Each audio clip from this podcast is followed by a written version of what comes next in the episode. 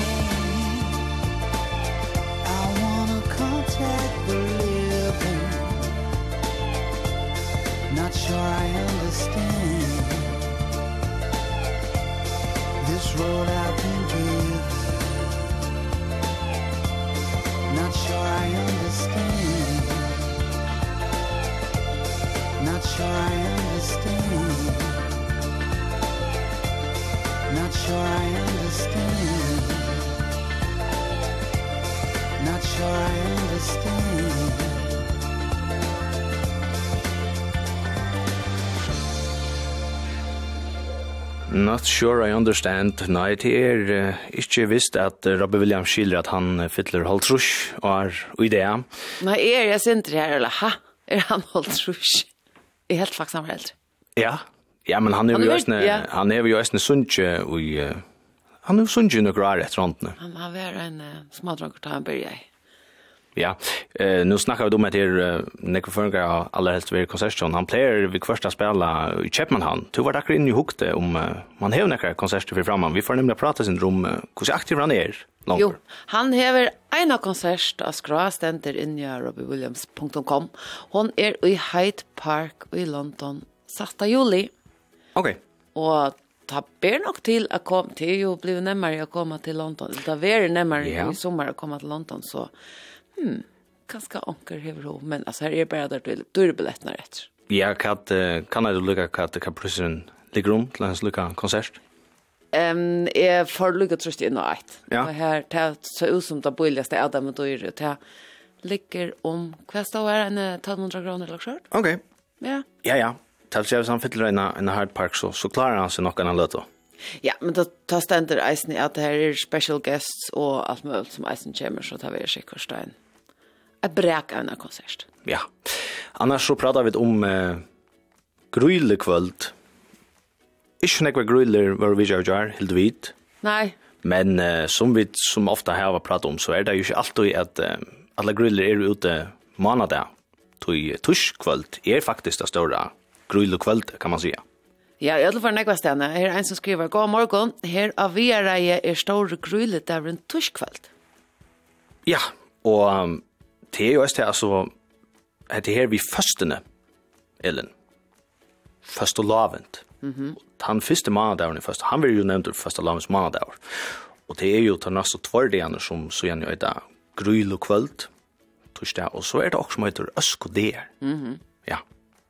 Og jeg minnes det, altså, vi pleide ångte, ångte så, så ble man en sinter, hva skal man si, gratis, Det var ikke ordentlig nok i, i som av skalen som man er man kunne godt også så lyst til mer. Så får man genge etter torsdag. Ja. Det var alt ikke like feien om i Grønlandene her i Havn. Ja, altså hvis man kommer etter. Nei, nei. Nei. Her var grøyler i jar, her er ikke å komme etter i det. Ok.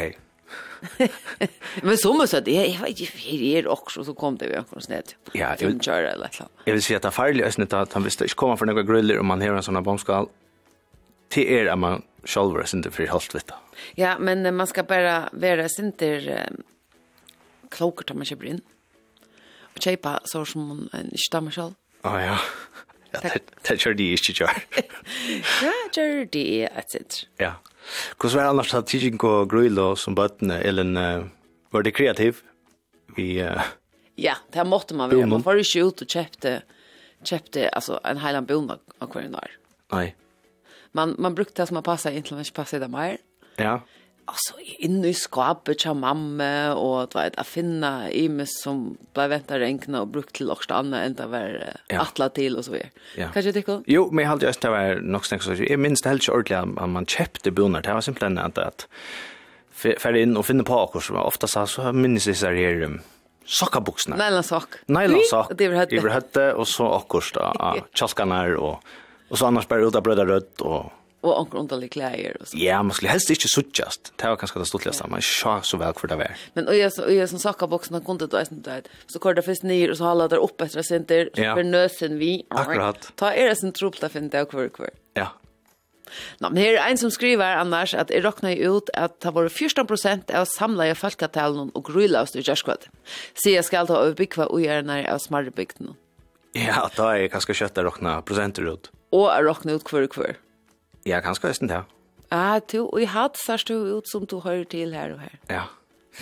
Ja, men stått til det. Vi uh, vana at det er høysten vera nekvar gruller at sutja i kveld. Um, Ellen, vi uh, skulle høysten noa vekkre i morgen. Og... Det passer. Du færre vil tonlagen. Vi færre at høyre Lenny Andersen og synes jeg, There Must Be Something More.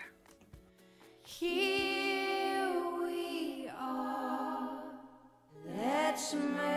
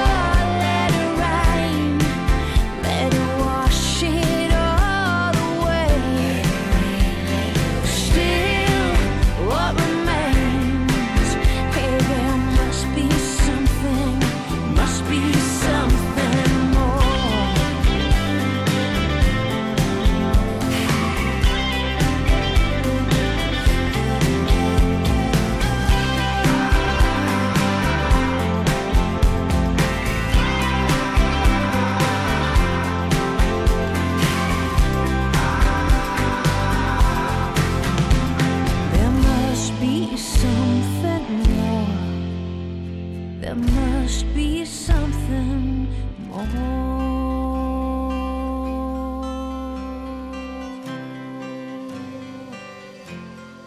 Ja, just i utgavene til Leni Andersen, vi har til leie There must be something more. Og så færer vi til Vekre i morgen. Vi har Hannos Kjølbro. Vi har kommet god morgen, Hannos. God morgen, Jakob. Ja, hos vær her når tja tikkun og jar var og nekvar uh, gruyler av vitjan etla, etla er det kvöld ta koma? Eh, nei, det var helt hampla fitt av uh, og jar vil sija. Det var, det var ur öllum alt, ur öllum støttun og Og det gjort halt nekk bursur, så det var det så litt. Ja, og så kan man kanskje spyrja om hvordan verur, hvordan verur det gengar gruyler kvöld, hvis man hoksar om, om vekkre. Hvordan verur vekkre i det her hos? Ja, vi vi kom vi kom man player så player den alltså börja vi en observation från som det är nu och det är bara lite låt kring landet i morgon. Jag vet inte natt om. Och vindbatar tar vi så för det mesta att fart så kör onkelstande 4 meter om sekunden så det är inte nex. Och nu är jag kostar boys så är är är have ordla slakt på space längs stöveln skulle ofte til vi holdt skudja, og angstene er der vi skudja, og akkurat alle har vi vært i morgen og hittil ligger den 3-4 stig. Og omlags så lags vi er vekser fyrra parsten i det, um, kanskje et sinter møyre el, enn det har vært nå, enn det er nå, så det takta med det til at bruker la for for kemeldrock og sånne vetter och för norr omförjar där för och jag tog med at för så tar det sin aldrig pjutoy det här är framför vi och vi kommer från på i mitten. Så för att han lägger sig utnering. Eh, så att han passar och resten av den och den. Och vintern han vill lyssna till mig den han nu 5-20 meter så kom det. Skulle ofta bli skiftande och så blir akkurat det aldrig inne i mitten. Tyska som det är nu kanske. Och hiten där han fer upp i en tjej tjejste är det mest. Kanske 60 är det mest vanliga här i det men också en tjej. Och i natt ner och i tvejstig. Så det er ikke så galt der at det var alt til muligheten for at vi holdt nå i morgen. Men det skulle uh, færre borster nå om man tog med det for. Og så kan man også råkne ved det holdt at vi kvalt. Eh, neste dag er så fyrir at hatrøst er lettjes vestan fyrir fyrir Og hatrøst vever til vanlig godt vever. Og vekkre vever til stilt i morgen, den er nok så stilt i morgen, og i morgen vi luttler vind og luttler nafall. Så att här är det man räknar vi, ja. Ja, men det låter inte så galet. Jag vill säga att det skulle vara hampliga gott vävra för utkvällt och, och rätt att uh, finns en dra i påsan? Ja, i alla bara hans hans bättre holku och gulta så skulle det vara helt okej han ja. Ja. Ja. Ja, men finnas så slä här nu så vi får tacka för det vi har i morgon och så hörs vi efter i morgon. Ja, det är så väl. Det här vi eh, skulle ansa efter uh, kultanon. Ja. Det är nog stolt att söka där som kommer i flott om prinsesskjola och kavadrakt innanför det. Ja, det ja. ja, men... Uh, så Michelin prinsesser. Akkurat. Ja, det är inte också man... Uh, man ser onkel grill att oh, att det ser inte inte kallt ut. Ja. Ja. Det sa Men det är lätt så väl då. Ja, jag sa sen George, jag har very också också lite i Allen en lilla löt och George så där kommer sen några lilla fittar då. Vatten har och och men det var det var ölja det var ölja man hörde det komma att var inne i tunne. Ja ja ja, så slant det mer än en. Nej, ta det jag som så är det jag synter försökt synter friali tar sig ordentligt att vet men så kötta är det flyre så är romer. Ja, eller romer ja, man hörde det komma till när som okej nu får jag nu får jag bänka på här. Och det är akkurat vi att ta det få att checka skorsten och så tar det bättre. Ja. Det var så. Det är ju för bänka på sig framåt och fallt utan Luik at hava. altså hatta jag. Ja, men det er Spider-Man nu. Det er faktisk lite. Ja, og vi har bedre. Og jeg har Batman vi måste li her, Det skal nok enga. Hetta var det bara nu tror inte komma om man er litt løte at han har vidt av hårt Harry Styles. Kom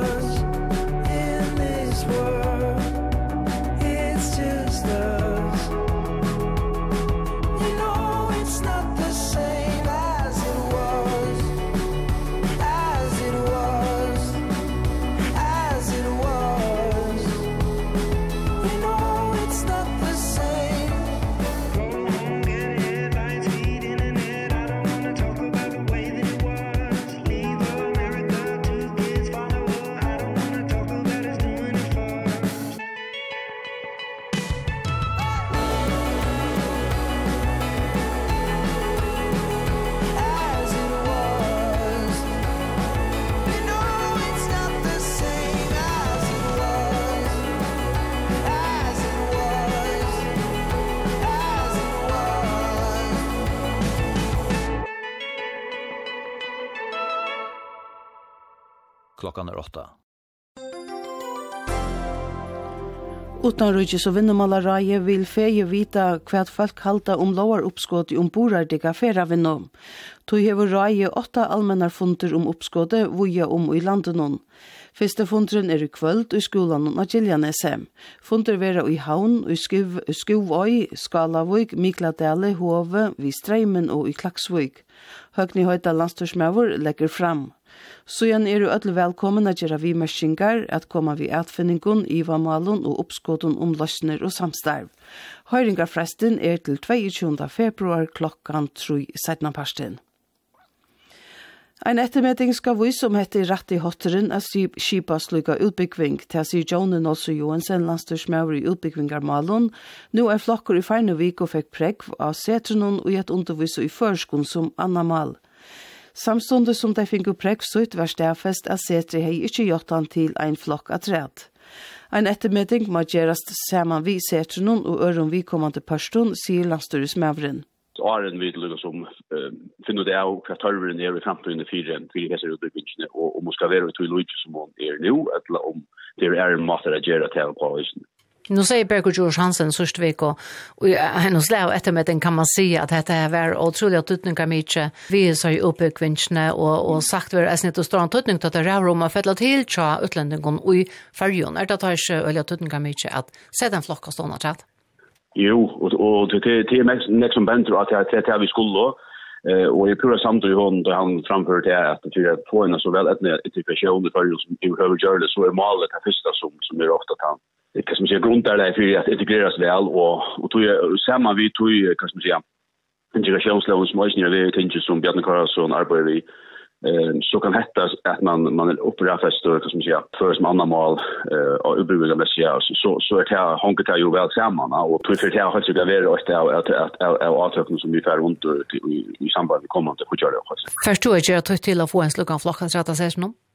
Ja, det er ferdig å gjøre, men til lykke til detaljene som vi nevnte i början om hva det skal være hesen maten, om, om det skal være av masterstid i alt, eller, eller man kan kombinere det, og det kan skal være en etterutbyggninger på løpet som øyne som man skal takke lykke som, og hvordan kan man så det som, som øyne skal takke støve til. Så her, her er nok ivarsporninger som vi må få grøy og æren, Eh men det har hållt visst att att detta här är väl framför jag får täcka han tolv som det vi integration och och mal att lära mal så körs en journey har sig sier Jone Nosso Johansen, landstyrsmævor. Det var i ferne viko at 20 lærere som underviser utlendingen i førskon fingo pregv. Det var steg diplom utbyggvinnsna i førskon som annamal av master- og bachelorstige av førjamalstaltene. Så færa vi ut i heim. Kina heiter av Israel om alt fyrir eit at djevast vi herna var li og alåpnun av Rafa og avvarar om humanitæra vannlokko. Kina tekur frastøver fra og fordømer handlingar som skia sivil og er i strui vi alt sjava lov sitt talsfalkje tja utanriksranen i Kina. Israel må stekka hernavali og alla mot synun sjåtas tilber, gjerra alt fyrir a fora fyrir a sivil leta loiv, og fora fyrir at humanitæra vannlokkan og rafa økjenun gjerst oppatur større, sier kinesiske utanrykjesraie. Kina hever avurmalt til alt sjåa fria rastevna fyrir at enda krutje mittlen Hamas og Israel. Kina melder til at gjerra tujar atlan fyrir at Palestina og Kina gjerras tvei sjåstøv og rujtje og heitanen fra Beijing kom samstundes som sjåren i CIA, William Burns, er i Cairo, her han i det saman vi israelsk sendefakkon skal vidgjere en atlan om vopna kvilt og at leta leisar guslar.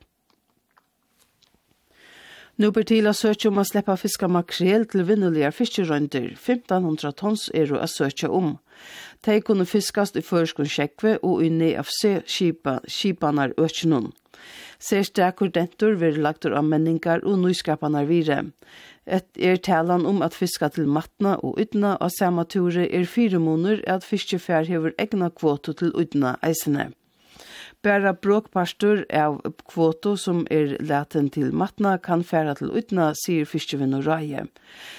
Omsøkna fresten er av middag 1. mars og meir om fisk, så i Havsbrun kjepte 8.845 tons av svartkjafter fra seks førskun skipun i syste viko.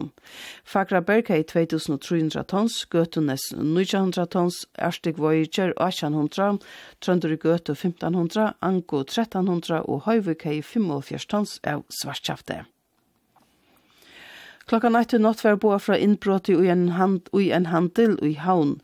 Løgreglan elte slåuna vi hunde, og ein tøyma seitene var han som hilden vera at vera han som breit inn tidsin. Han er nu av politistøyne og skal avhøyrast. Vi kommer til breit horna og i handelen noen fyrir jeg sleppa inn. Så da vevor vannar fram til i morgen åre, lyte låt av Imsun 18 og Ela vevor, seidna per parsten frukslåt til fruskan vind av utnerindje og akkurst Ele, hiten tru til tjei sti. Og landsverk boar fra om køyrelykjentene, at Roknas kan nu vi Holko av Kamstale, i Runavik, Høareine, og vans, i Vansøyrun, Kalbaksbottene og av Sunte.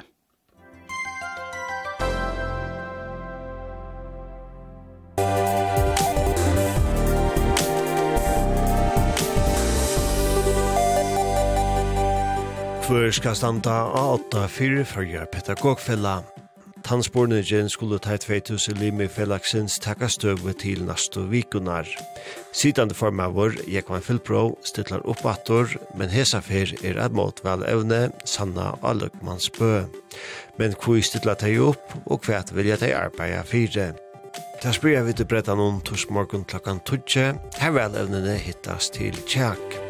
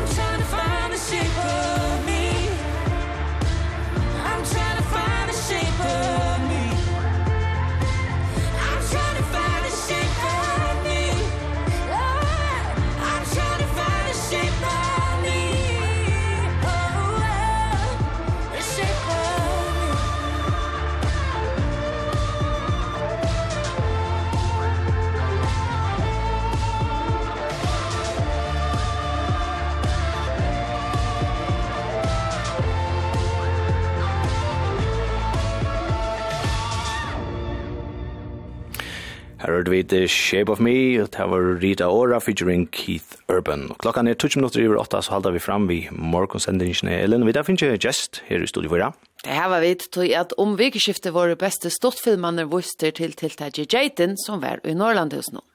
Seks filmer var vuster og tver viruslønne var latnar, Orsens Jade og Åskåra viruslønnen.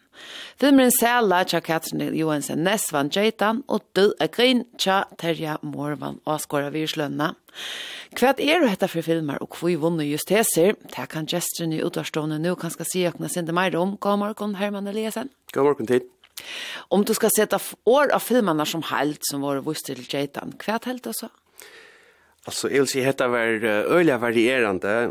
Um, alltså helt ärligt så halt inte öliga att jag kan säga kvar i halt och borde vunna ett lite. Alltså jo jo är er primärt samtal här på men vi färra från alltså animation barnafilmer till uh, det däpraste, myrskaste som människan hever att uh, avvisa och ösen till det synder av humor och skämt och ja, alltså här är en öliga bra vifta av av öllum forskjellige sjanger, må man säga.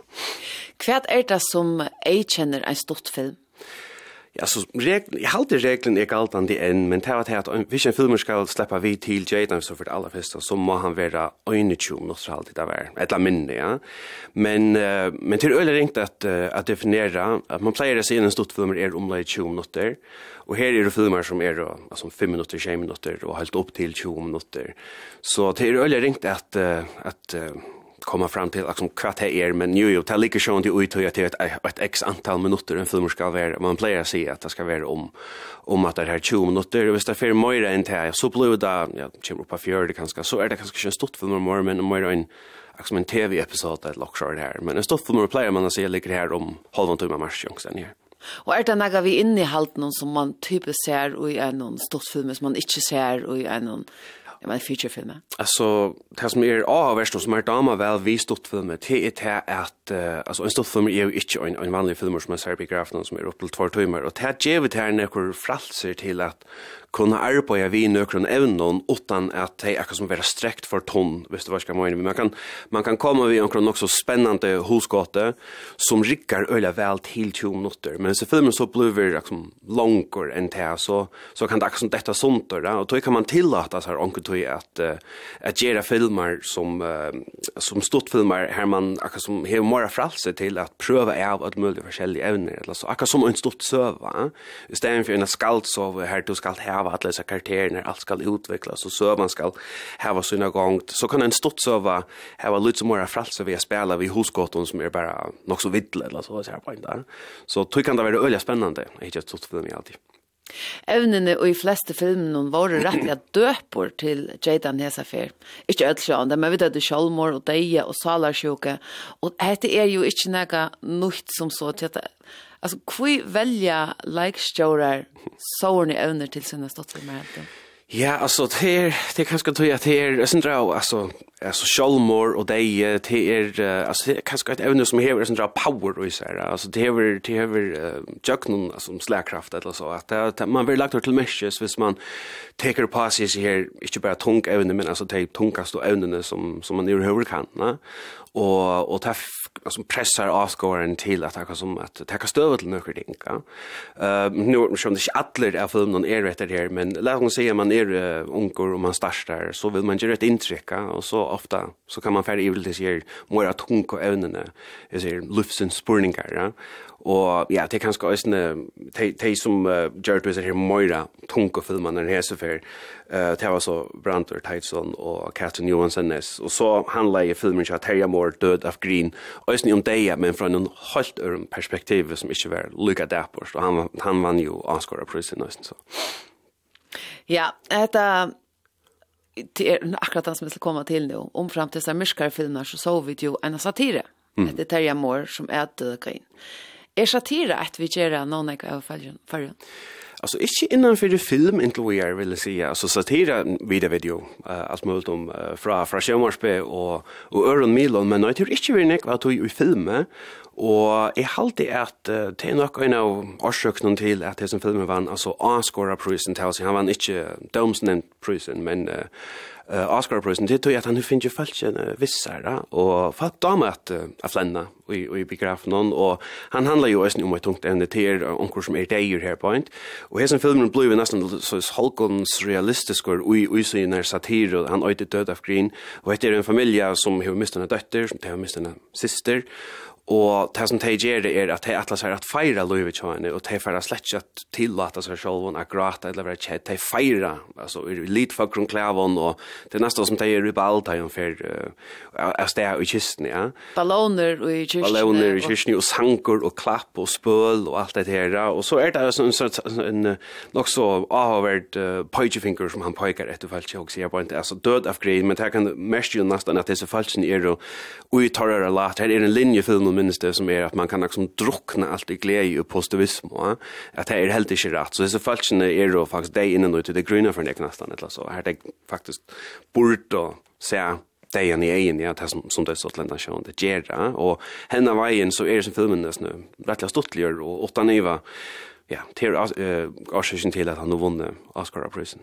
Jo, og dette var jo samtidig en av de større filmene. Altså, jeg var jo nej flyr folk flyr lokationer och kanske mer produktion i över kvärt kvärt ger det här en immun till här som man är en två likare och ett helt snävorst ja det är jag kanske ölja oprofessionellt är man säger men alltså hesen filmen Luigi's en film han ser ut som en film och han spelar som en film och skönläggaren är är ja, kanskje ikke atler, men altså professionelle, ja, og, og, og han kosta kanskje mer penger enn som er av henne filmen. Nå er det som filmen gjør det som altså, en, en skolafilmer, i halvt av 18 frames, og, og i Danmark, som tar jo gjørst denne filmen, og her er nekve statister i, altså, i bakgrunnen, og folk som altså, ikke har replikker, men det gjør en øye sannførende vera, og ta, ja, att det jag var kanske inte professionell att säga men det viskar som en ordentlig filmer ja. Här då här är filmer som som kanske filmer en cha cha cha brante här det är egentligen bara en person vi och så jo, vi såg ju en annan person ösn ja. Men det här är lutsen så är akkurat som en sån sån kammarstitch akkurat som kammarstånlökar alltså det gånger allt fyra per in i en rum ja. Här filmer en cha Terja och Andreas är lutsen mera og lysen bare staurer at hitje på kjalt med her øsne i filmen til Andreas, jeg var bare tvær sjån og grev i. Men det var at han vann og avskåret virslund etter at han var mer film filmfilmer. Ja, alltså alltså inte det att att Oscar och inte Austin kan uh, vara utfordrar eller så, men ja, jag hugger att det jag humor till allt det över i nästa uh, Oscar och en sak för att kvartalen rum. Men ja, jag huxar ju att det som filmen är det som en filmer filmer alltså han han spelar som en filmer, han ser ut som en filmer och han lever som en filmer och, och han är nämligen skilja ösne. Alltså här är det en en alltså en öliga kvass satire i det sån men samtidigt som man liksom Lloyd efter en Lloyd center allt ja. Och jag hade till absolut en stitch i filmen och vi skiljer väl av filmen hur vann Oscar Wilde. En fin film allt. Eisen var en badnafilm vi visste. Hvert gjør det hesen i en tegnefilm? Hva gjør han i Jeta selskap noen helt til? Ja, altså, hette her, altså, nu er Tautje Jansson, han er en unge med og som er skillet læren, så jeg heter en tegnefilmer, så gjør han der sjølvor. Alltså och ta att ta gira teknofilm. Ja, jag halt inte för för länge att säga att det är Moira Torfors att gira teknofilm än det är att gira en film. Och han har gjort allt själv.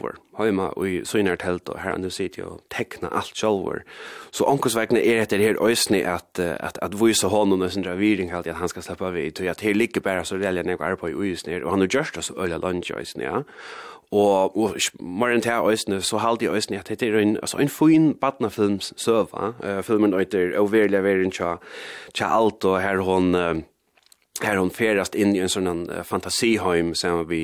Ja jeg vet imaginary friend kus i tar først kon en en teachers winner en teachers winner ja som er en en lunt så om uh, som hon så fer in i en sån här western cowboy wear samma vi ja. Och det handlar om så som öllbötten känna från Morgan morgonmätta barnen man ska minnas det är såna grönsaker och allt det där och det blir sån krutch mellan burgare och chips och och salat och allt det där vi vi vi kostar som jag alltid är ett öle cool koncept och uh, väl huskande och kunde gott vara en next större mera framlöter filmer ja? men uh, hette alltså en personer uh, hur säkert som hur just animationerna och teknikerna och Og han er jo faktisk mekna nu alltså man ser och är att det är att han är inte en professional altså, det er ikke for at nirje han bara näkas men smarta men man ser att det är inte en top professional eller lista med hva som er gjørsta, att man ser linje på ju i teknik någon man ser hur rotta råtta är va och han är faktisk mekna nu vi här sånn, er skapt sånn ekna stil. Allt man ser på en vägen och en teknik och att det är som tog just där. Ja, och du sa att det jöken gängan det ens alla vi en jöken och skolt om det inte är så stilrätt. Nej, nämligen akkurat och och och det halt är faktiskt är ösnjöt öla flott klara, om man säger, i sig själv och Ja, hesten støyleren som han hever, han er så reallig lit fæver øysene, at ja, jeg kom faktisk til tankar om, om en æra animerer rød som ikke gong og langer nøyder et Adventure Time som, ja, hette mynte mye sin rundt her, og det er alltid tema seg, til, til røst at la meg, til holdt. Jeg var sånn til Spongebob, men til... Ja, det er sånn her høymer her, nesten surrealistisk, ja. Um, og så er det Sela, ja. filmeren som vann. Hva, hva kan du si om han? Ja. Ja, nu vet jag, som, jeg har sagt snakk om sig Salo, Alltså, jag, jag minns det, da han kom ut først og før, da var det, altså, premiere i Norrlandhusen, han var inte vi i Jaitan og på grunn av det, da var det i, i studien här och ta sig om han, och i hei, jeg synes det er heve, og jeg synes det er kritikk til, til Salo, og så har vi øysene skriva om han i, i væren, og nu er jeg etter her for tre for jeg snakker om, om sæla, men jeg husker jeg så, kanskje man skulle bare vim komme etter til, minst da jeg snakker om sæla først og før, og hei til jeg sier som jeg hei sier, Så slapp hon in av filmskolan i Danmark på grund av Sælo, og så skrev jeg et uh, ommeldig om Sælo i Värnon og nu vann hon Jaitan, Så jag också kanske att när nu för nu för ni ska vinna Robert Cruise eller Luxor där. Jag vet inte vad det är till men Jo sæla er alltså det som vi snackar om här det är vi vi Scholmor och hvis ni nei, ikke Schol jo ja oh spoilers men ja. Ehm øyla, en øyla, øyla allvarliga filmer och han som vi kanske minnes, det synes, vis vi skruvar till in etter det filmen var Gertrude det är vi har fått stottning till filmen och Jenis og politikere var framme om at hessen filmen skulle de ikke hava få penger til at det var for en sex. Han var, han var simpelthen for fuller i sin filmen. Og, ja, og Jeg vet ikke ordentlig at jeg har teori ødelen for en gjørst at det som filmen blir så er det nok så, nok så høyt evne, men, men så da man så hos ser filmen, så så blir det lite så för mig att okej okay, vad har det här hatt det här antar jag kväll alltså tar man fair sort gratis PR hur kan man leva upp till det? Men det har alltid sagt och gör så halt jag filmen är helt otroliga väl framlöjter alltså helt otroliga väl och ta vise hur så stark en en filmskvinna Katrin Johansson är det är hon verkligen hon är ett powerhouse alltså här på drönar jag den ösna filmen som Jordi Iron som heter Apert som ösna var fantastiska flottor helt det.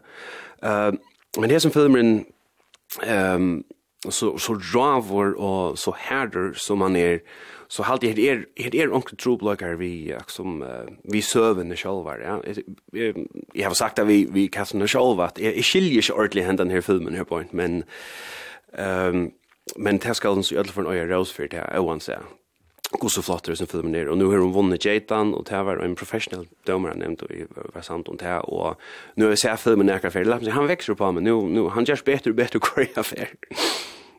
Jag man då hukt efter filmen och i i år ehm Hva sier det om, om førska, filmsvinn og støye, evnen vi velger at jeg gjør filmer om? Hva helt om førska filmsvinn i det Alltså för förska filmsvinnan alltså det sker det sker nick vi förska filmsvinnan. Det gånger det gånger sånt. Nu är vi uh, så kommer det jätte an i år och vi har åkra vinnare men vi ska också minnas till att vi har haft trom för några år sedan. Vi har en en förska showmaster och nu för vånande kött öst i apaka stach tan fiste stor alltså första stor stor filmer in vanta för tja Gudmund helmstel att vara görter så ta ta sker nek om emmer damar vel ta som er søtje og akkurat som Jaden i år på for oss så er det ølja altså til allsidigt altså er det ølja varierande her er det sin drau sin drau ötlon og her point fra animation til tar djupast og mysko filmaner og nu fer vi då i fra creamy trom over til spenningsfilmer annan velda bare filmer så er alltid at det er ølja spennande det er kanskje bare en, en långre spørning om når vi er ferdig til science fiction så där som men det er kanskje ikke en, men som hållt är det öliga späntor altså, jeg har alltid etter, etter uh, virkelig spennende om å si det akkurat mer.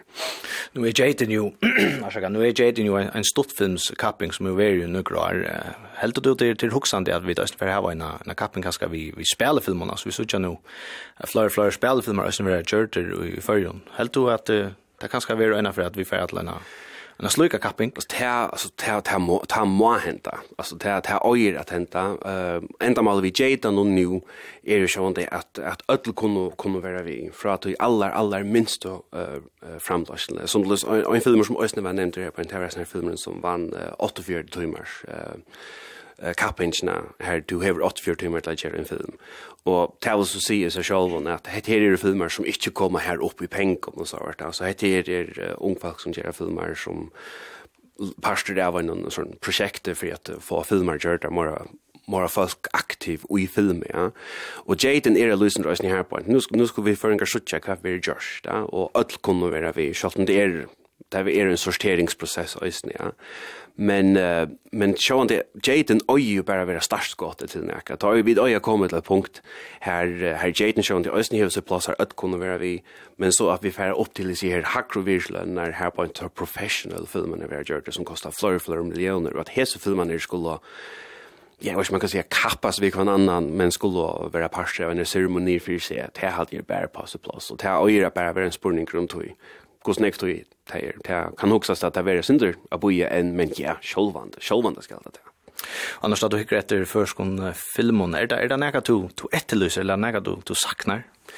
Um, Ikke noe som er sakne som så, men jeg halte at, uh, som vi kanskje nevnte i Lysen Rumjøen, altså, men nå tar jeg noen Argentine og Jaden Hoover, Florfer, noen filmer ute, så halte jeg man blir kanskje også, jeg synes ikke lydsynder av atterventende tingene, altså særlig i, i Jaden og noen så var det her, og nå blir jeg vid, vi at nevne etter vi at det er ulike myrstyr der på filmer. Um, det, er, det har vært nekve filmer som handler om sjálmor.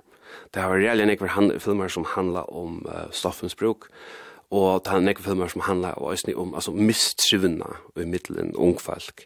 Og det er kanskje bare naturligt at det blir så løs, altså det er, det er nekve ungfalk som, som legges til træt, altså legger filmer og Hett er kanskje nekka som tegnik, av dem man uh, huksa om, og kanskje strøyast vi, og som vi nevnte, og jeg ikke bare for jeg gjør det, som, som er bøylet, uh, bøylig mat til å skåre på enke på, men altså, hett her vi gjør det tunkar og herrar, og rævlig, rævlig alvorlige filmer, ja, for at, uh, for jeg gjør et inntrykk. Men, uh, men øyne, at jeg sier det syndrom hver det er, og hver, hver opptek det i, i dagligden, og nå tror jeg alltid ofte at det blir så øyla døylet at sånne filmer som handler om helt annet. Men er det ganske nægget som de fleste av dem skulle i kjøkkenen for så å kunne gjøre hoksa vujer og gjøre også andre setene? Altså, det kan godt hoksas, ja, altså... Uh, Så det er også veldig nyrgjørende at de er så unge, jeg vet at de, altså, det er slett ikke det jeg mener, men uh, sjølvande, altså kan, kan bære brander og, og, og och katten ger akkurat vad de vill ja. Men men det som man lägger mest till alltid vet om det är att de har en server fortälja de de bränner inne vid ankron det är ju bara ett ett sort ja nu ska vi göra en film och nu måste vi bara finna på ett eller annat ämne här är det akkurat som att ämnet kom först och ta måste så uppleva måste se uppleva till en film ja. så det är något de har på hjärta att det kommer från en ölja verkligen stäja och og og og tei og og nekk andre vi tøymen og sånn. Vi ser at her var ikke her, er så her troplekene, om man kan se det så. Ja, som du sier, så er det et emne som, som oppteker det unge, altså, det er fyller nekst av men hvis man husker om, om uh, alt kjøva filmslist, så er det kanskje ikke så vanlig, altså, som, som man kanskje nok så torrførst at, at gjøre filmar eller gå og så fortellinger om just slug evne, altså att det kanske näga som allt show instruktörer kanske hålla sig inte bort ifrån. Ja, altså, og så så kommer det ösn åter til at det här är uh, det här är ju stort filmar, ja. Mm. Så så där viser ju ofte att jo, att det det inte ikke et, ovanligt ämne evne innenfor, innenfor för stort film slett det hörs her ikke. Eh det är ju bara här för ju att att att likes som man säger kunde göra så galtande vi vet att arbeta vi tunkom även på den här matan. Ehm men så det är er så reellt än anna. Det är ju bæra til nu får vi göra som det nästan bæra til men det her er en av trenden under så tjuv för som film och ett annat som i østen så sjón det är att att att till nekke filmer här ute som brukar det for ska landsleie på på alla forskjelliga matar att det nästan nu østen blivne altså ikke aktor, det er ikke ytla moment, men det blir som en sånn klisjé her, man sier, det er sånn, det er sånn visit fyrjar filmer, tog där här så här så här dron skottne av de flotta landskapen och allt det där och det är alla filmer den där den ekke filmer som ger har galt oss ner point. Och det skil man väl och det hade just när man skall göra tog att om näka som filmsland så ungt filmsland som vi så ska man ju köra på här ämne som ger och till och och jag huxar førskar söver vad det ska vara alltså kåpa kona og alt disse her, disse her klassiske søvner som vi tar av. Jeg hadde bare en spurning om tog at når vi får suttje disse her tingene av biografskjermen og det gong jo inn, som det blir en parster av det at det fører skal skal vi, ja, og når som man arbeider nå, når vi nek i førerskon filmer, det er til at förske filmer skulle vara 100% förske. Alltså det skulle vara finansierade vi förske om penkon. Och inte av utländska penkon som vi är resten av henki av en och körde klara kon åttan. Men det här för så visar att som til og i tråma sinne at, at Hans Marstensson tosar av danskon, han er ikke en føringer, ja.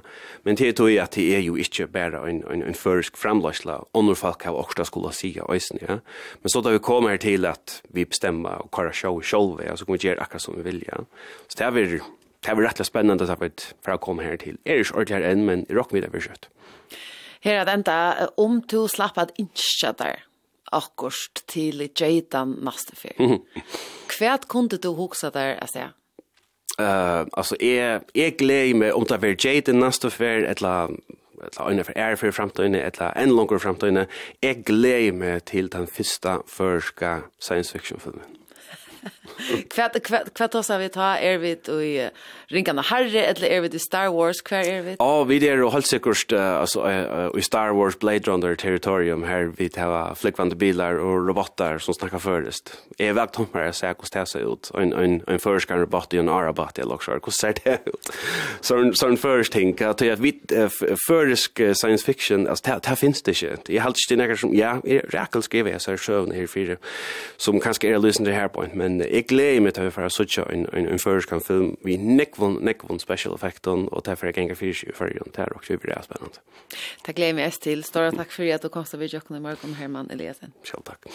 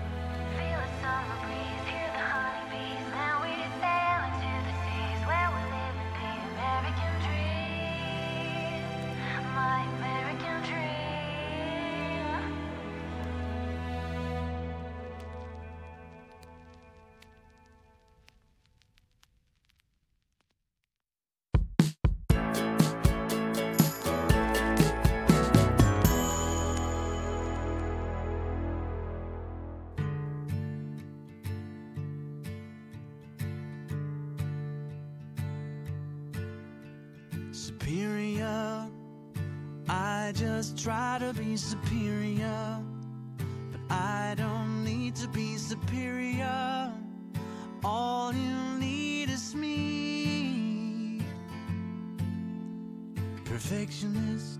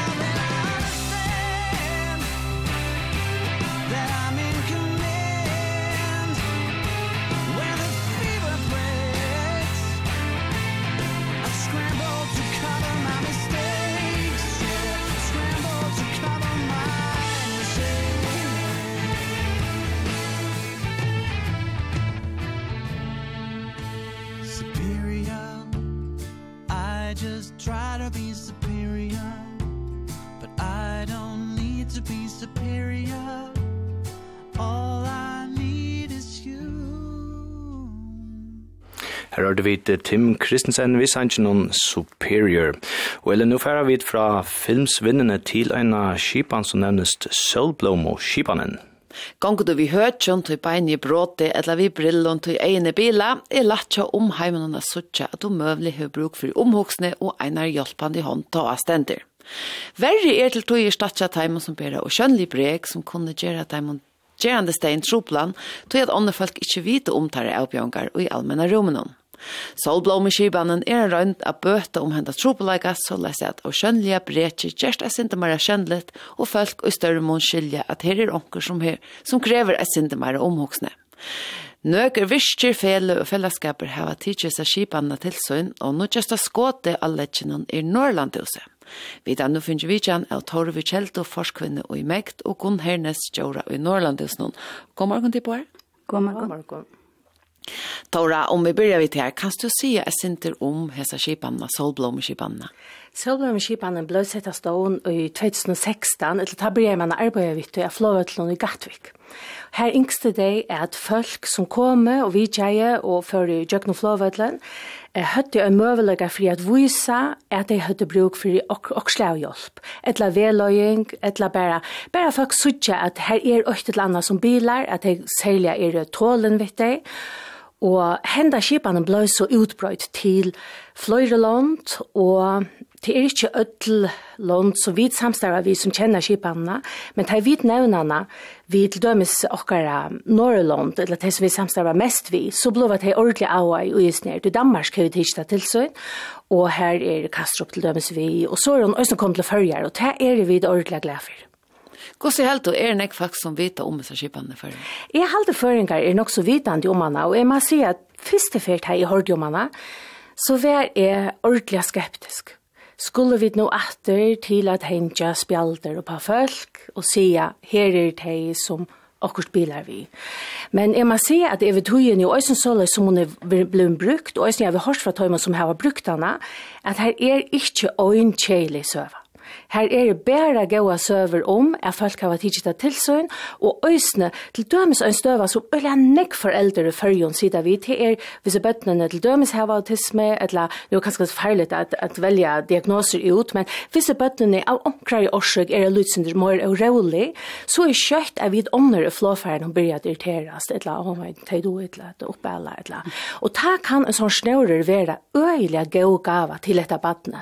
At vi öll som er rundt om sutja, Hvor skal her i nekka som vi øya tag i olvara? Og jeg kan enn halda at det kanskje er litt kjeiligt at vi har bruk for snøver noen, men han er en god gava til fløyre. Er det nek folk som brukes litt for båndene? Man kan sutja kanskje, man lukkar si hvordan det så ut. Ja, det er så avmyndelig pen, nemlig. Det er grøn, og det er sølblom ja. Og jeg leser nemlig at sølblom har vært brukt, nemlig fyri at viser til vi vøkstre og vi tog sterska og vi tog vekra og øsne vi møveløykon som blåman hever via veksa og gjerast vøker her som hun fer løyve til til så jeg halte ånden for at Iva og hvis folk enga vi solbøm så det er grønne snører vi solbøm ja Og er det nekv som brukar det, vet du? Jeg har sett nøker, ja. Og vi får øsne til folk som ringer inn i meg og spyrja hvordan de får fædra Så det er mye av verst. Mm. Jeg leser en av vimersing fra en brukare som skriver i at uh, som flere og flere kommer i kipene, så tårer kan folk kanskje eisne bedre av brukerne. Hva uh, kan halta folk om vi fjallt om brekon fra at bruka seg her enda snarere? Jeg har nå blir jeg et skjønnelig brek, og ønsken Eva støy som så at, at jeg har løyde på en eller jeg forfatt, man ser det gongla noen, når de snakker om grøyler om morgen, og jeg, jeg fikk ångtøy, ønsken, det er ikke alt som tomt jeg fyllt som mer, det er ikke grøyler, det er så visst det ødel hvor det er. Men, tar man hever skjønnelig brek, så er det kanskje nok så kjøtt til å halda at det er det sin, altså pjøs man nå en snøra, Men det er det mange som ber det uskjønnelige brek, og dette gjør nemlig at jeg heldig det krever dyrve, typ på en eller annen måte så lever vi i en samfunn her som folk ikke er så øyelige glad for jeg sier at det er bare brek, og det kan jeg også være som det kjett om, til at det er bare en parster av åkken tysk for vi er det.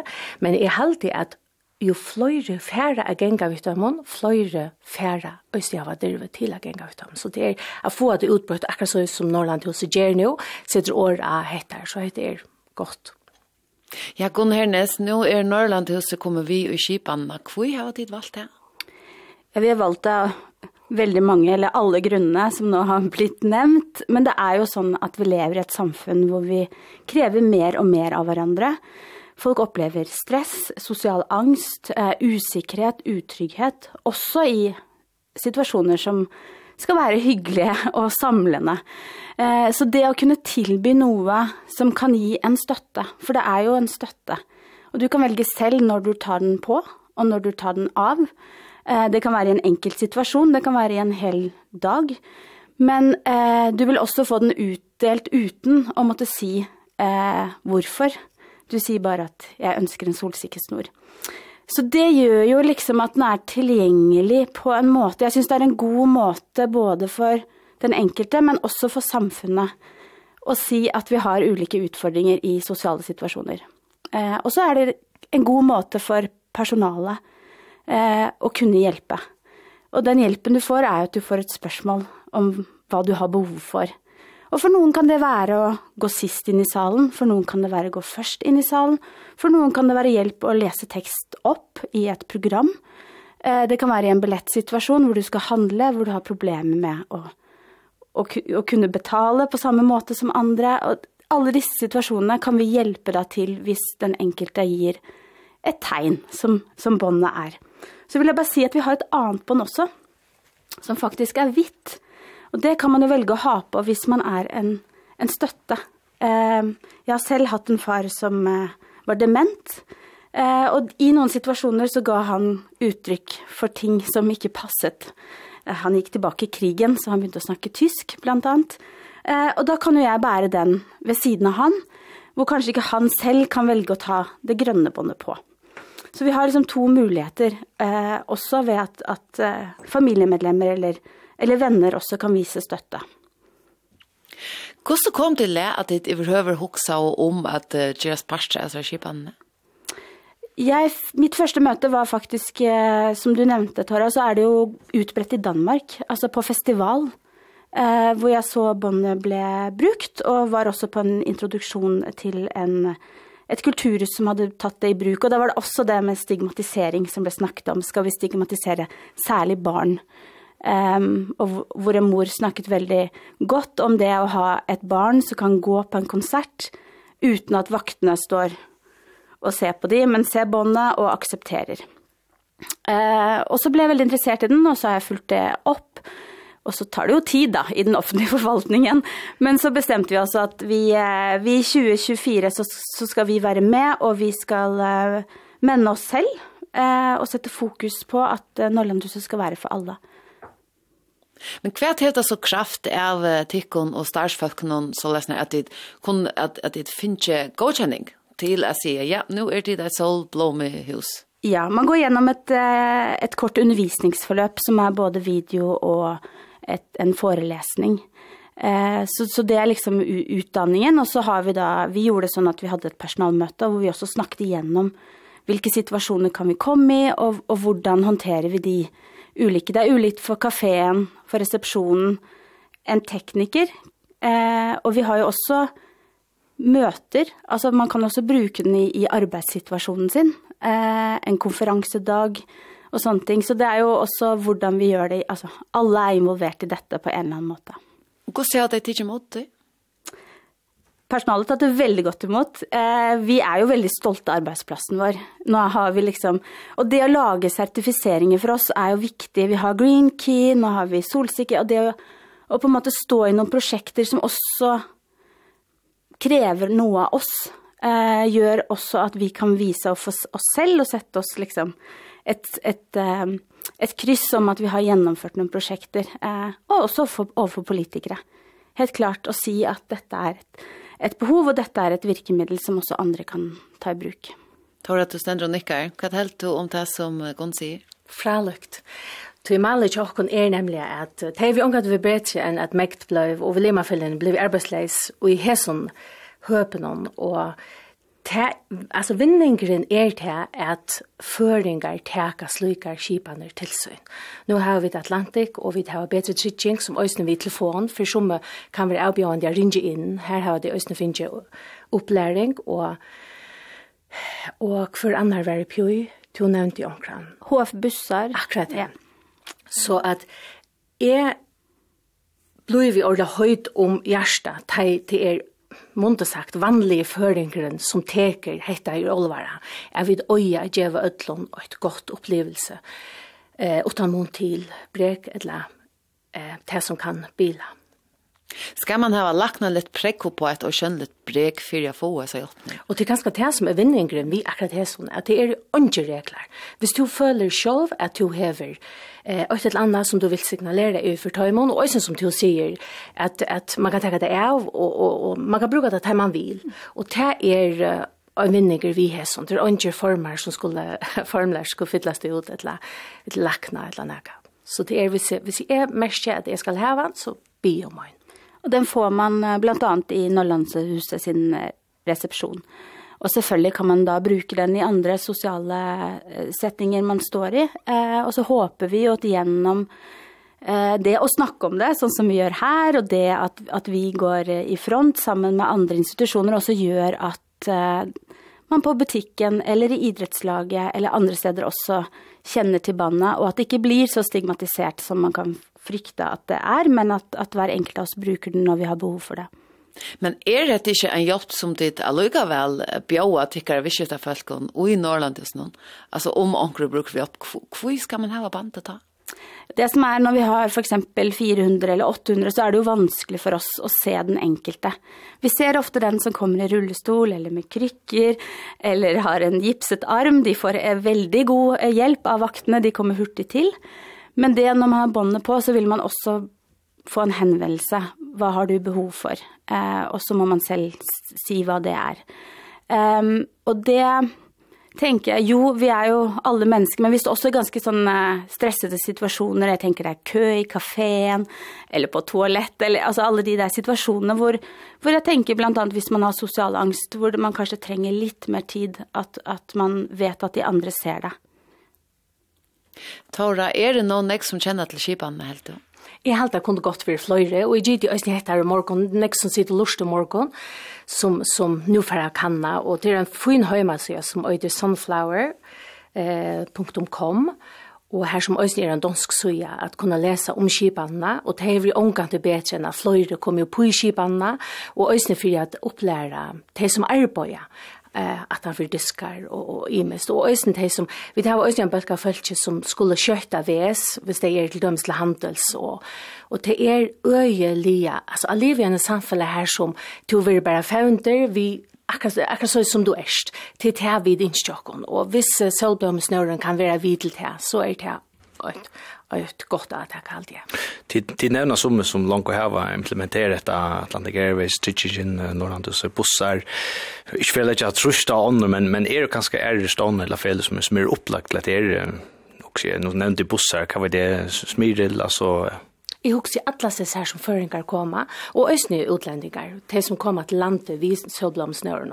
Og jeg vet østene av fløyre, er i Hawaii, og jeg blod parster av hesen, så ja. Ja, hva krever det? Altså, krever det nekv av tikkun av att å få et stämpel som sertifiserer solblommer? Nej, jag tänker att det är viktigt att det är implementerat, visst det är en större arbetsplats, alltså implementerat i, i ledelse eller ledergruppe så att man får mandatet in den vägen. Och så är det en, ett medlemsavgift, eh, jag tror det är på cirka 20 000 i året. Eh, och då får man tillgång till eh, olika upplärningsvideor och, och sånting. Det er å sette av en personaldag til det, eller noen timer, og så er det å ha tilgjengelig informasjon. Men i utgangspunktet, vi var nok litt nervøse, det skal jeg være ærlig på, liksom, hva forventes av oss? Skal vi bli noen sånn supermennesker som skal ta vare på alt og alle?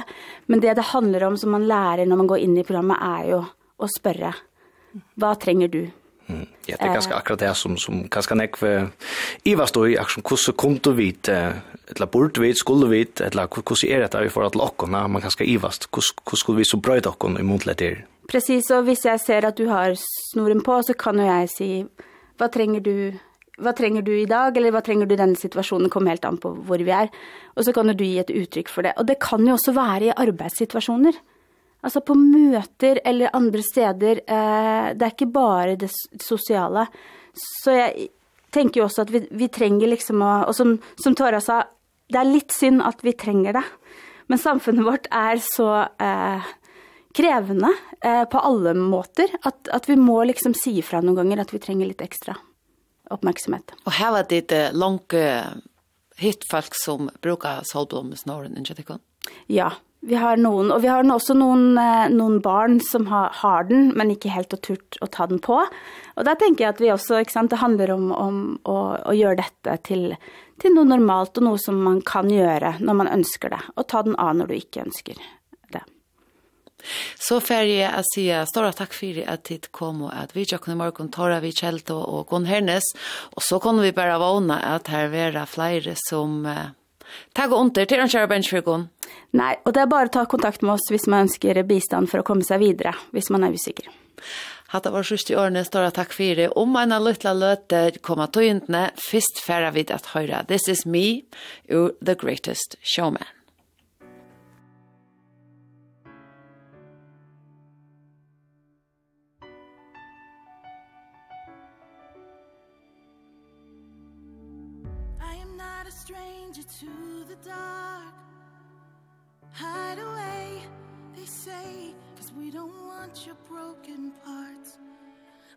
to be ashamed of all my scars.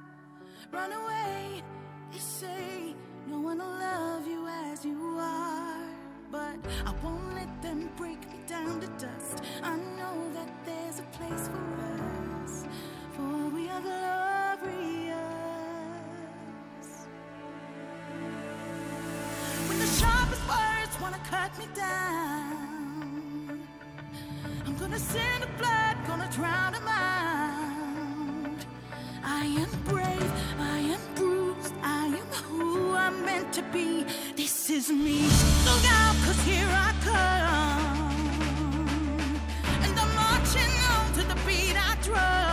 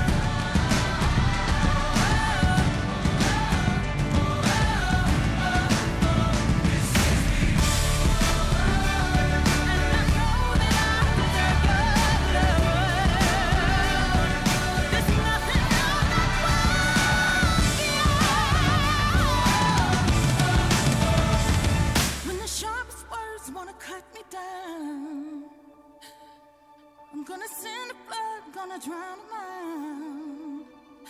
This is brave this is bruised this is who i'm meant to be. This is me. I got zero.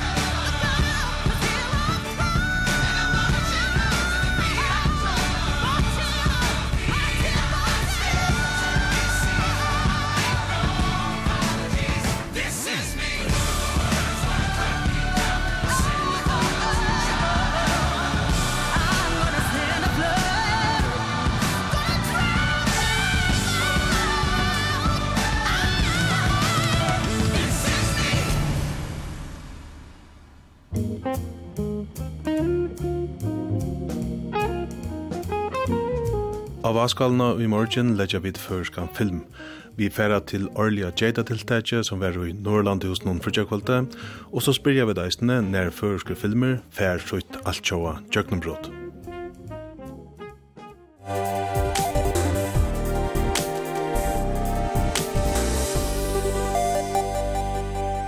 Hvor skal standa A8 fyrir fyrir pedagogfella Tannsporningen skulle ta 2000 limi takka støve til næstu vikunar. Sidande formavur, Jekvan stiller opp oppator, men hesa fer er et måt vel evne, Sanna Aløkmans bø. Men hvor stiller teg opp, og hva vilja teg arbeida fire. Ta spyrir vi til noen tors torsmorgon klokkan 12. Her vel evnene hittas til tjak.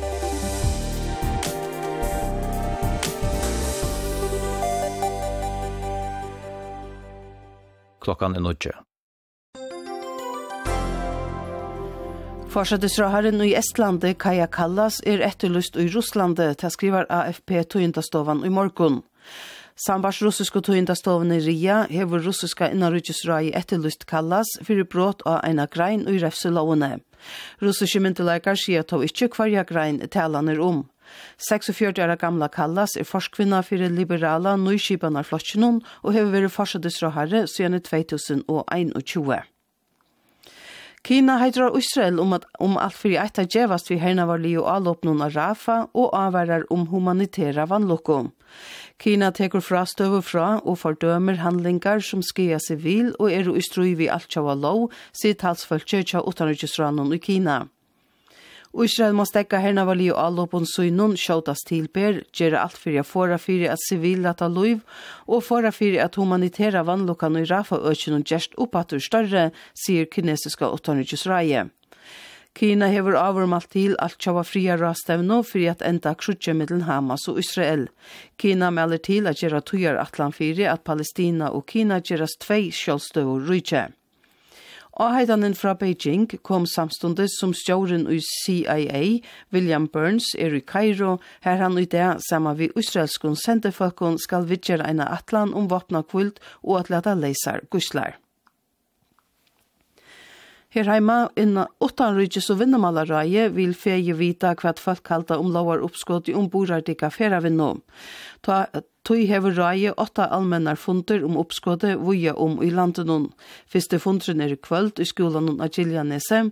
Funder vera i Havn, i Skikve, Skalavøyk, Mikladale, Hove, vi Streimen og i Klaksvøyk. Høgni Høyta landstyrsmøver legger fram. Så jeg er ødel velkommen at gjøre vi meskingar at komme vi atfinningun, i malun og oppskåden om løsner og samstarv. Høyringar fresten er til 22. februar klokkan 3.17. parsten. Ein orsøk til, til luttla ahoan fyrir parstabrøvn og kjallandun og Smyrilein er helst at talan er om minnelut parstabrøv. Te asanar Aksel V. Johannesen løkmavur, nu til er greit at ongen kjeipare vær til, vær og parstabrøvn og kjallandsturnun Smyrilein. Er det noe sia til at ongen kjeipare er som tøymra letja forsmiljoner fyrir eit uh, fele her som du onga avvarskan og onga makt faktisk hever? Ja, jeg vet ikke om man kan si det så leis. Møvlig er, er det her, men, men vi til dømes takk at vi selgte par snabber en kjaltur. Jeg halte land i 86 eller 20 prosent en kjaltur. Her er sånn kjeipar, og tar med helt og averskan. Og tenk du bak Nordic som, som nekk imus folk oi oi. Det aller fleste er unge averskan bak Nordic, men det er ganske eh så som man strategisk uilegger man velger å kjøpe par snabber her på et, eller som oppsperring til person og annet. Eh, Men så andre er det ikke nekk for en professionell og yderkjører som vil at Øystein har avskam av fjellet og tog hevde Øystein tøtning om, om du er så en, en morlod øyer, eller minnelod øyer, til at du uh, velger kjøpe per sabla. Men det var tog at Øystein kjøper her? Jeg vet ikke om det, om det er akkurat tog, men det har vært sagt av Sølle Rajavaren Kjallandstøren at uh, Ja, då vi viskade också till att ta tog slut på kom här var svaret stod av vart här man inte fikk nære bøgnløs avvarskanna for deg. Tanne Merlot og eieren som är Arnold Trush har faktisk at han avgjør retten. Ja, det var ikke akkurat om han er Arnold Trush av Merlot og eieren, men, men landet er på 6,2 prosent alt det var. Og tar man 6,2 så er man ikke, så er man myndelot og har ikke nære avvarskanna for deg säger Axel V. Johannesson Lökmavor vi Elna Vinter Polsen. Landet eier 16 av parstabrønnen og i Smyrelein. Stora hashmale som ikkje kunde avgreis til farja ratti i oktober i fjör, tog farja rattur er og jeknier er nu attur i farja ratte. Dianur 12. til 19. februar er og setter av, domur fettler 23. februar. Setodomare er Søren Serup, som kommer ur Danmarka døme i Hesun Malenon. Tvær menner og akarder fri å smukla sløk 26 kilo av hasje til farja. Mennene var værasfangsleir i november 2022. Anna slapp ur værhalt noen 26. oktober i fjør og hin 22. november. Og klokka natt og i natt var boa fra innbrottet og i ein handel og i havn. Løkreglan elte slåna vi hunde, og ein tøyma seitne vært han som var hilden av at han som breit inn tidsin. Han er nu av politistøyne og skal avhøyrast. Vi kommer til breit horene og i handelen for å sleppa inn. Så da vever vannar fram til i morgen åre, lyte låt av Imson 18 og Ela vever, seitna parsten frukslåt til fruskan vind av utnerinja, og akkurst Ela, hiten trøy til tjei stig.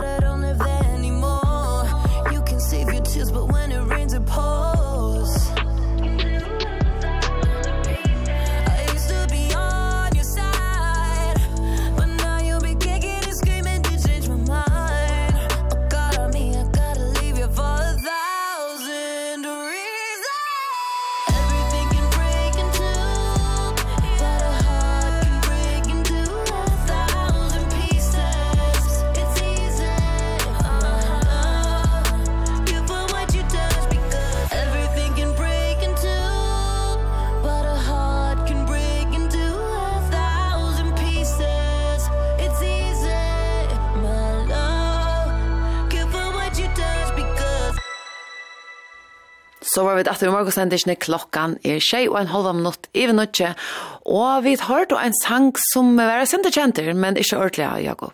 Ja, jeg helt med kjennan atter beina veien, men dette var en helt er utgave, Thousand Pieces, er har vi Kim Petras. Og det er sjåvant uh, tusen stykker til Anne Linnet som vi deisne har hørt av svensk, vi da hørt han i, i muskon utgave, men uh, hetta var så ta nudjasta skåte og tog stammene Kim Petras, ja. Ja, jeg så tilfeldigvis, uh, jeg så sendingen her, toppen av poppen. Toppen av poppen? Toppen av poppen, og her er Anne Linde etter vi i år, og her ble hesten Sankeren sjående i Østene Tulskauer på en uh, ekvilja vekrande måte som det er, som oftast er her er jo ekvilja donanlig tånleikare vi. Ikke lengt fra at de halte det var jo två bøtjer som, som tas omkring. Mm -hmm. Ja. Det må man lov slett. En ein, altså nere fyrir liva i lengat og råkner vi. Takk kan man råkner vi. Eh Elena i morgon så tar vi om det här vi första lavont eh, gruiler och mm -hmm. så mycket gruiler ju är men det är många som får gänka i kväll man nämner man vis hetta kväll för det för gruyler kväll det. Ehm och det är ganska näck som upplevt då i jar att en ekvar fittar gruyler bänka på ditt när vill du ha bom och i påsa men eh, hetta är att bönkinga gruyla till er en lutfasliga nutjusir i färjon. Og jeg greier åkne synder nærre fra tog, så jeg kom en Kristina Djurus Kristiansen fra Kjøsand. God morgen, Kristina. God morgen. Ja, Kristina, hva, hva vet vi om enn denne siden at, at genka gruila i fyrrjum? Ja, altså vi vet ikke ordentlig gosse gammal det som sier den er. Uh, hvis vi leser der gamle kjeltnar og gamle frasagner, så kan vi lese om at bare baksen og bøtten her var genka gruila. Og, og så er det altså sagt bare blir bøtt som er ferdig å gjenka grøylo, og da man tjekk grøylo fyrir i bygden, så lät man seg bare jonko gå med klæger, og man er alltid en skorsk uh, anlite, til å ikke måtte kjenne deg. Og skorsten, det var ofta en sort uh, som man har mala, og så har man uh, klippt hål til egene. Og så kjenket det hus i huset, og så røynte folk at gita hvor det var. Og grøylen er snakka av grøylemal, og der hadde jeg en til grøylenøvn, Um, så då har jag ringt att gita hur det var Og ta det var og för sted, så fick de oftast en sokomåla. Ehm um, så det är en mat som vi uh, känna att det är känna sig som mat att det. En annan mat jag kan grilla på, det var att en vuxen Jack grilla. Och det var grillan som kom om man ur fjällen in i husen jag om kött. Og hon var øyla honalig og larma i uh, negg, og gjør negg om seg. Hon var ikke ut at hun finner kjøtt i påsen. Og hetta var ofta en fatak personer som nu hei møvleikane bytta om kjøtt. Og det kan være, sier hun, bøtgen bøtgenga grule i førjum finnes ikke uiblåser fra hesare grulene. Og så er det ofta ivan, ivan ekve lokale sier rundt om i førjum eh, om hvordan man har gynns i grule fyrr.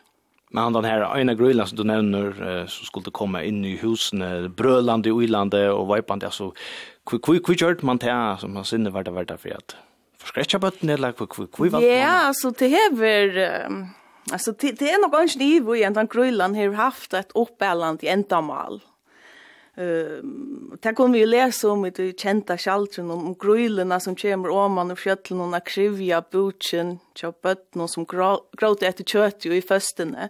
Så det er nok så ekvisligt, og det er ikke nivå i at bøttene har vært øl av bensjen. Så man har brukt det som fyrir, altså, for å oppelle bøttene som du sier, ja, at hvis det ikke gjør det såles og såles, så, så kommer grøylene. Man har nesten sett omkring søvn, altså det er et år, jeg har alltid til William Heinsen som brukar året grøylen, Ja, det er mest skrumsl. Ja. Og vi har eisen jo til tås om etter her, nå nevner du, um, det er vaksne folk i eisene, det er ikke en gøysen grøylo, det er det kanskje ikke lykkan ek ved langer. Det er ikke lykkan ek, man har hørt om ankra stedene så at det er genka grøylo. Mm. Men det vaksne er vel, jeg synes ikke mer, og hun alene bøttene. Ja. Hvis det kommer onker vakseskrubb som du ikke helt kan strakne ut i rett av grannen eller bætsmåen eller et eller annet, så sier du, uh-oh, vet du, det er sånn scary ut. Ja, og som Kristine er sin genial, da har man ganske ofte i her skorstand, man, man sa ikke ordentlig hvor det var, og eisen vi har, vi har brøyta røttene, det vet vi da ikke jeg har tås om ångt i, eller man ganske sin sakne, at det er sin mer mystisk eller så. Ja, altså det som er så for ofte, til det, så kommer det inn, så sender en Ta drar hånden fram. Skal bom. För ska bom. Se nå hur säger du? Nu måste jag heta Spiderman. Jag heter Christian. Eller, nej, du bara inte, jag heter du Christian. Du heter Spiderman eller ett annat.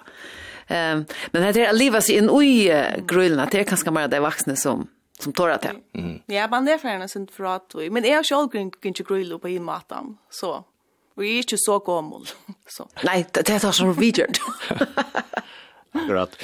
Men annars är Kristina, etter det är vi vi gröl och har skorst alt det der, men så har vi døsne en era Simon til vi, vi slår tunn om om hesa tuinas kvar det var tannsiren? Eh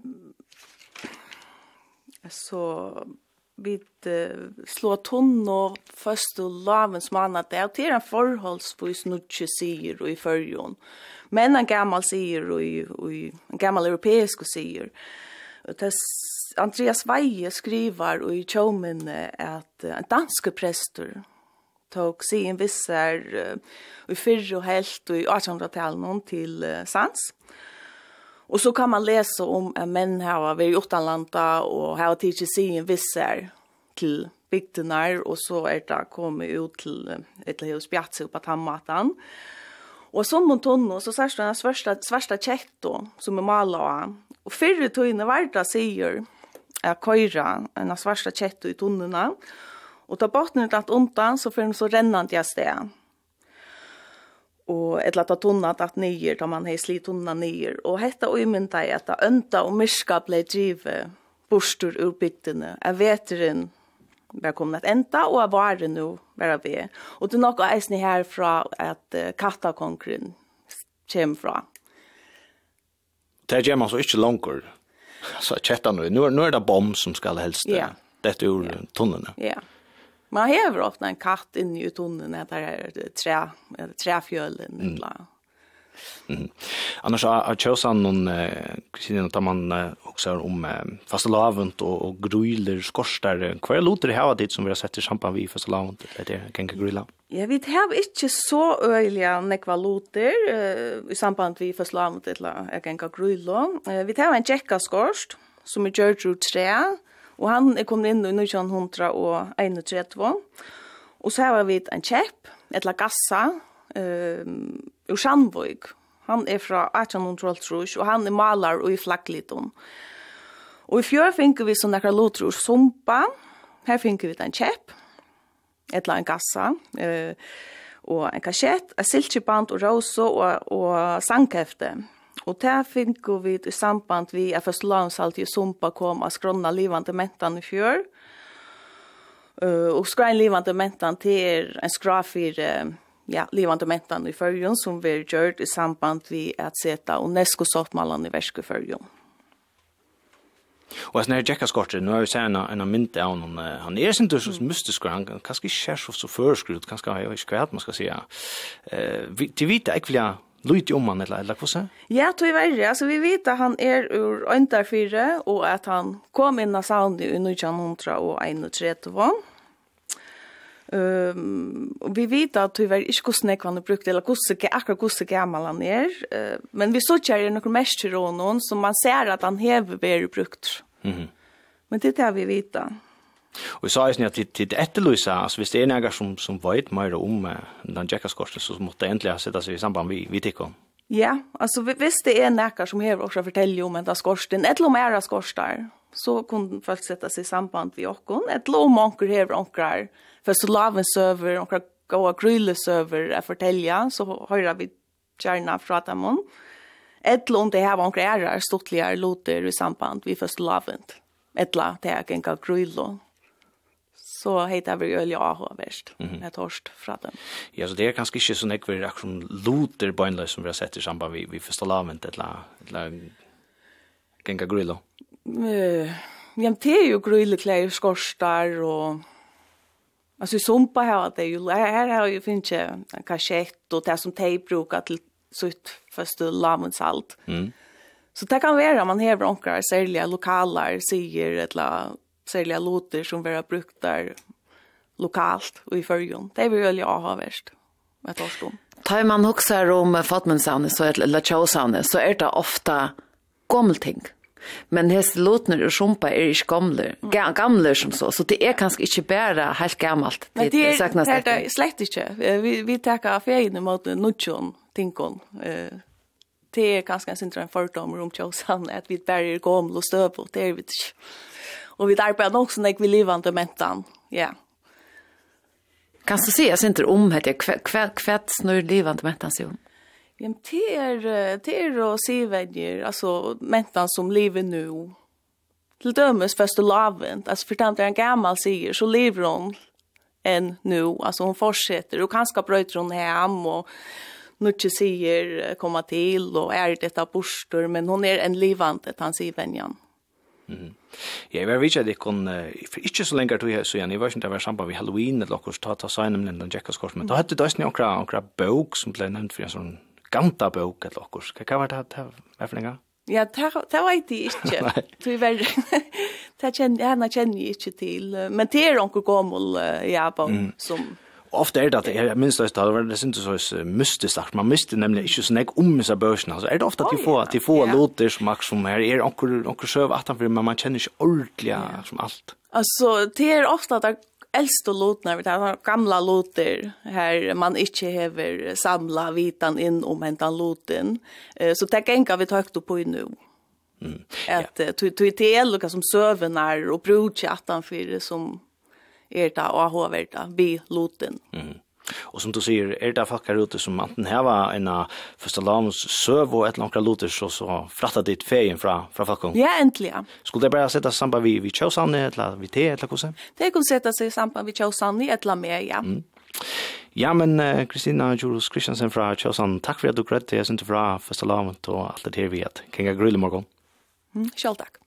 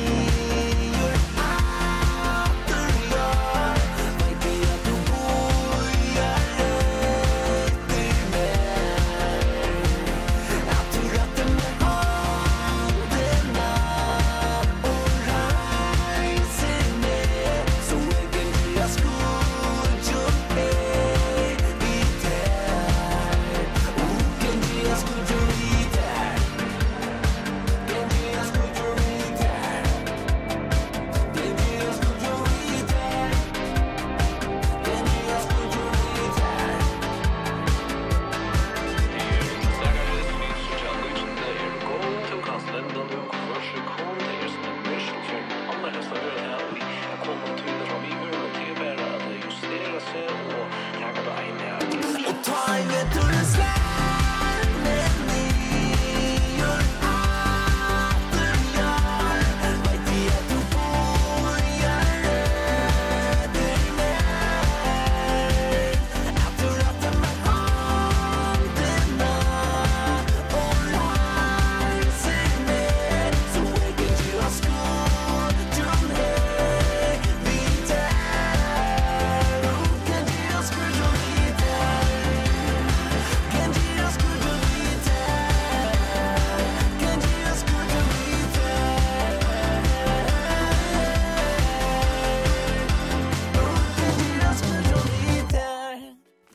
hørte vi et Segaris. Vi sanns noen aller beste. Klokkan er kjem notter i Holkon Tutsjo, og det her vært, ja, etter at jeg pratet om fastelavnt, gruler, grul og Skorstar.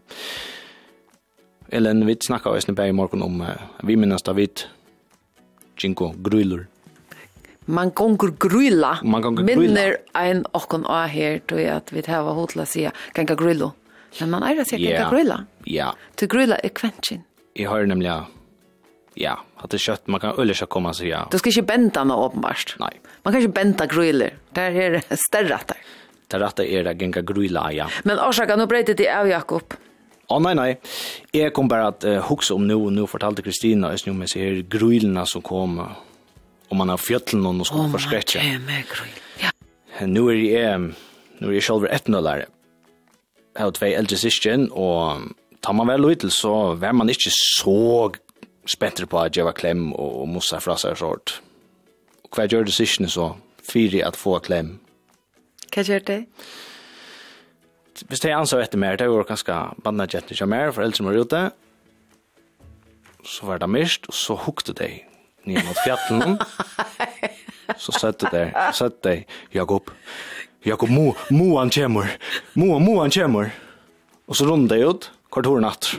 Och så var jeg, ah, så rann jeg i vår bekka, jeg på, ah, lå meg ut. Og så öppnade jeg horna och så krossade jeg dig. Åh. Ja. Så det var akkurat allt i kärleka. allt i kärleka av mitt bandomstrauma vi moene. Ja. Fick något år, rösten, moan.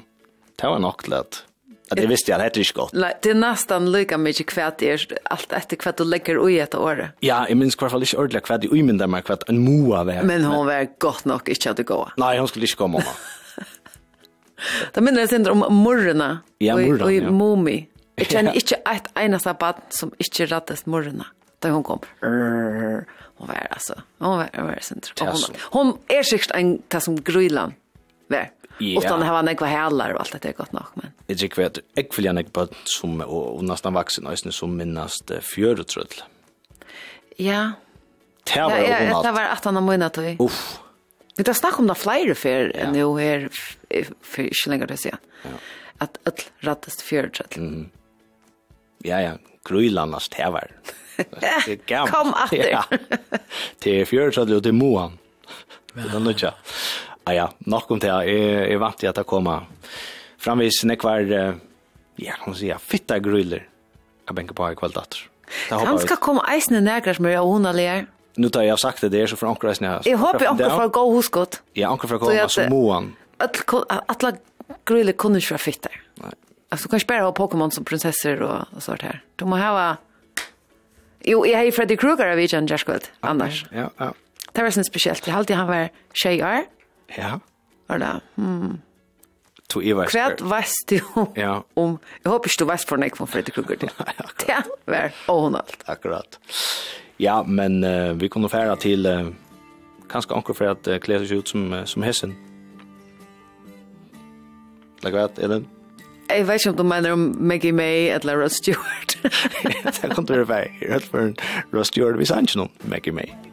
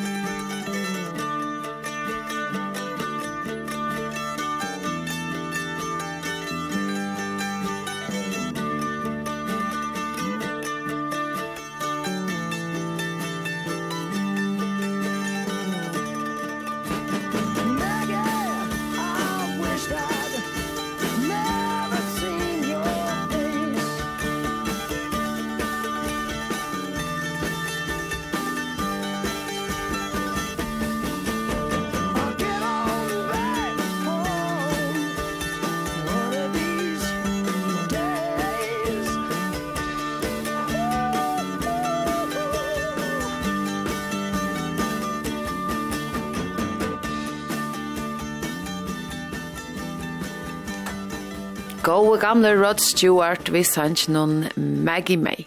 Han er kjent ikke. Om eh, første kvinna, Charles Stewart. Nå. No. Mm -hmm. Som første kærlega? Som første. Alle, ikke, ikke sørste. Damn. to, uh, ja, alt det her vi um, grøylon, Ellen, skulle vi lukka rundt det her ja. To, ja, man kan blå vi, men jeg... Man kan blå vi, men uh, nu får det snakke om at Hur så det moan chat där? Ja, ja, ja, alt det der kan man bruka att uppa alla bötten via. Ettla bara det. Etla bare det, det bare stått lika som man er eldre session. Som man nu gjør, um, en lustar sig att når vi blir som bøtten, hört vi at um, bullemavern kommer. Bullemavern eller bullemavern. Det det det det. Og Och der, kjem bullemavern etter. Det er ganske mange som känner det, at man hever akkurat. Ja. I backhandene till att lycka Og navnet i seg selv, altså det er tusen i Moa, så hokser sier meg en kikv. Men, uh, og bullemæren, det er også en bossemenn, eller et eller annet, vet. Og i seg selv er året, det er ikke selv okay. året som, som, som er det som er hun, alt det er det som er lagt ut det. Hva er det du funnet på, hva er det året du brukt? hmm. Ja, det här med är lyckas på hooks om en sang att vars ska komma att. Ja. Det ska vara ett ordentligt. Ach, det år. Miljöer är en fall. Som but show now nästan. Sorry. ja, det er nok nog nästa gång. av Sante. Gorros er vi på. Det Ter har et R og et. Ja. Gorros skriver hon. Mhm. Ja, det kommer. Är vi på. Ja, jeg hadde nok stått til å høre slik om. Annars um, nu er det grulig kväll kvöld, kan man säga og i morgen er det en en øvelse, en større dag hvor vi man kan se i Kærlekans techen Ellen jeg får til øske mye der, men det er ikke her. Ja, øske Du er ikke her. Nei. Ja. Ja. Kanskje man ikke, ja, er det. Kanskje man ikke gå med grullklærne for lengt vekk. man kan alltid bruka det minst ena för att Man kan finna man kan finna den där hemma gjorda boan i chatlaren någon. Och vancher. Kom rei underbuksene underbuxorna. Så kan man komma som Cupid. Finna så lite fitt sett av vantjon angstene. Mm -hmm. Kan man börja marchen där vi tog? Hej, jeg, är visst inte det rikar angstande alltså. Så man kör här som Batman och spyr om hon vill Robin. Nej, jag vet inte. Batman, ja. Du gjør meg for nega mindre i hette som jeg ikke ordentlig får i vaske ordet på nå. Og i Vestmanna kom Klappos etterfølt. Nei, Klappos. Ja, jeg var nok sklæver, da. Ja, som Klappos. Halve mever en halve koper som levde i fjøren. Ok. Mhm. Mm ja. Så jag kommer det bara öskefoja som kommer. Är det här hon lite? Mm, alltså kvart vi sina najer. Ja. Ska man se att det kvart öll hava så ut. ja, ja. Ja, ja, men nu snackar det syndrom om allt det sen Ellen, men kvart kan helt och annars om nu i morgon blir det Valentines där var. Är det en dag som du gläder till? Så fram till. Det är sån flows att säga men det är biografin när vi kom i alla kväll. Okej. Mm. Ehm vi vi färra nog att göra och sluta på sjur här i morgon. Ja.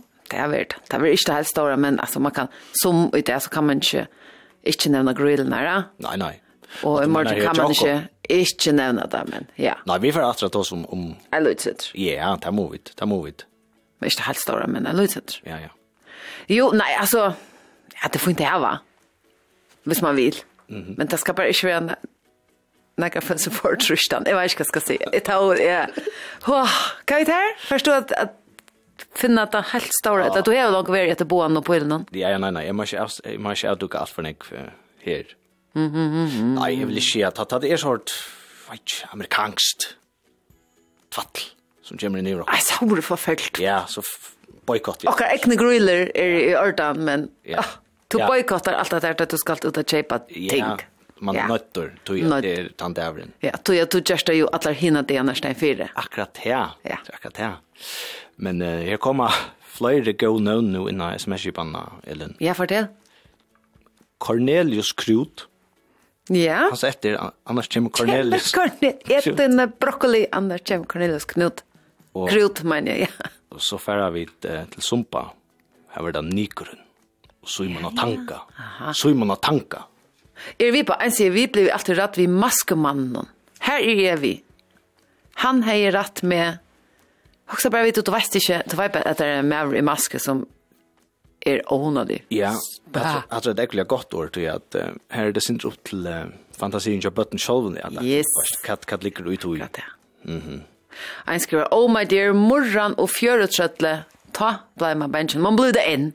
Det är syns sånär att att benchen ser sett sig i buchen en affär.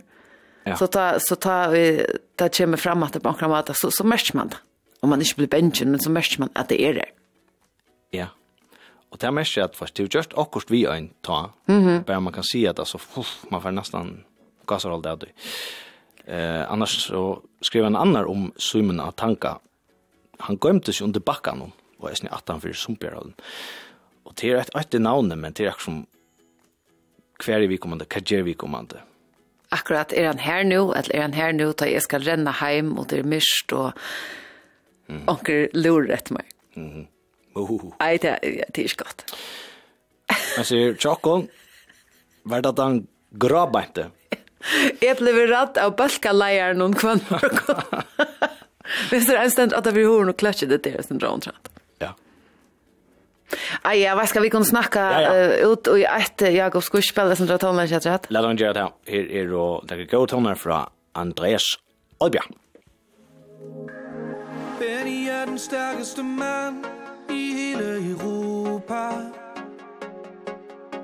Han kan løfte en bil og et fly på en god dag. Han har trænet lige siden han blev født.